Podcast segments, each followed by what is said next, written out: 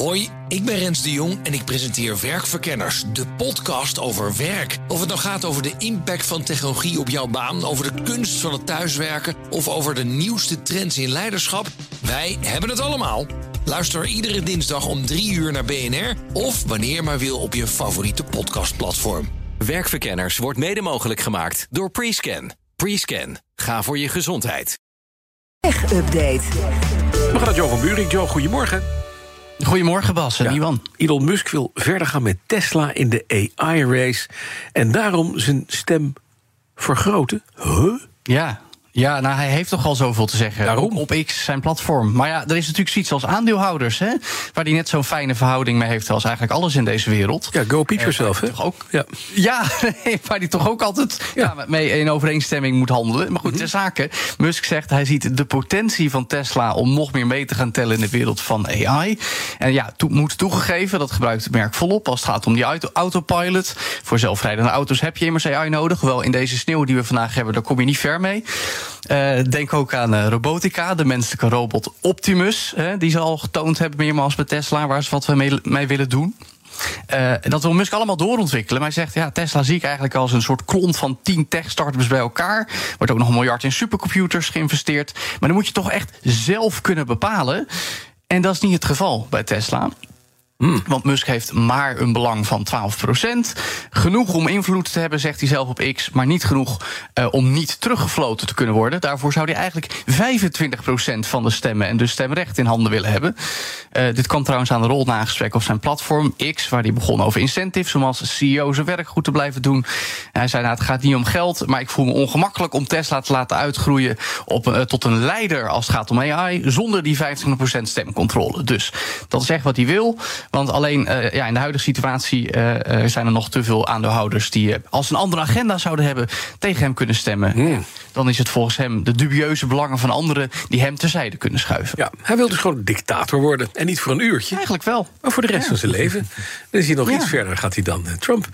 Naar Apple heeft een oplossing bedacht... om de blokkade van die Apple Watches in Amerika tegen te houden... wegens het schenden van een octrooi. Ja, eh, gewoon eh, de feature weghalen waar Ja. het om gaat. De zuurstofmeter voor je bloed. Dat is immers het octrooi van het veel kleinere techbedrijf Massimo. Massimo. Eh, dat zorgde ervoor dat Apple halverwege december de Apple Watch Series 9 en de Watch Ultra 2 uit de handel moest halen. Hadden toen volop over met elkaar. Want ja, het was half december. en Verder gebeurde er niet meer zoveel in de techwereld. Maar Apple wist het nog wel even te rekken tot kerst. Dat in ieder geval iedereen die een watch onder de boom wilde vinden, dat nog wel kon. Maar er moest toch een nieuwe oplossing gevonden worden. Want in beroep gaan had verder geen zin. Wat er nu gaat gebeuren, heeft Apple zelf nog niet officieel gez- eh, gezegd. Maar meerdere Amerikaanse media, waaronder Bloomberg, zeggen dat die feature er gewoon uitgaat. En dat als eh, US Customs and Border Protection dat dan heeft goedgekeurd, ze gewoon weer verkocht mogen worden, de modernste Apple Watches.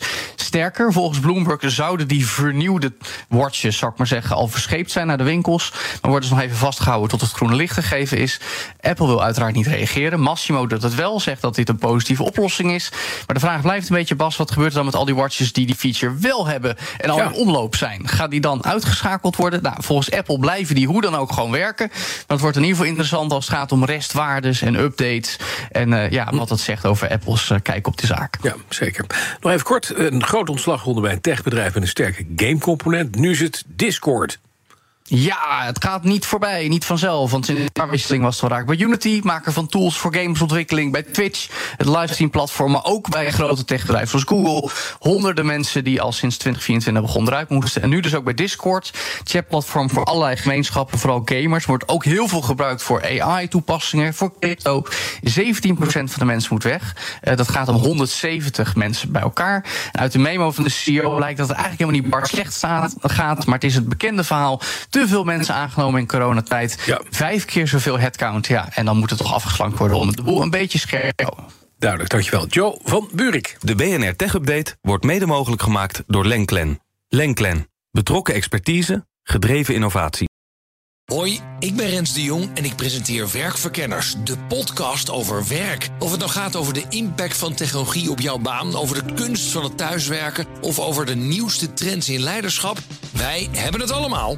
Luister iedere dinsdag om 3 uur naar BNR of wanneer maar wil op je favoriete podcastplatform. Werkverkenners wordt mede mogelijk gemaakt door Prescan. Prescan. Ga voor je gezondheid.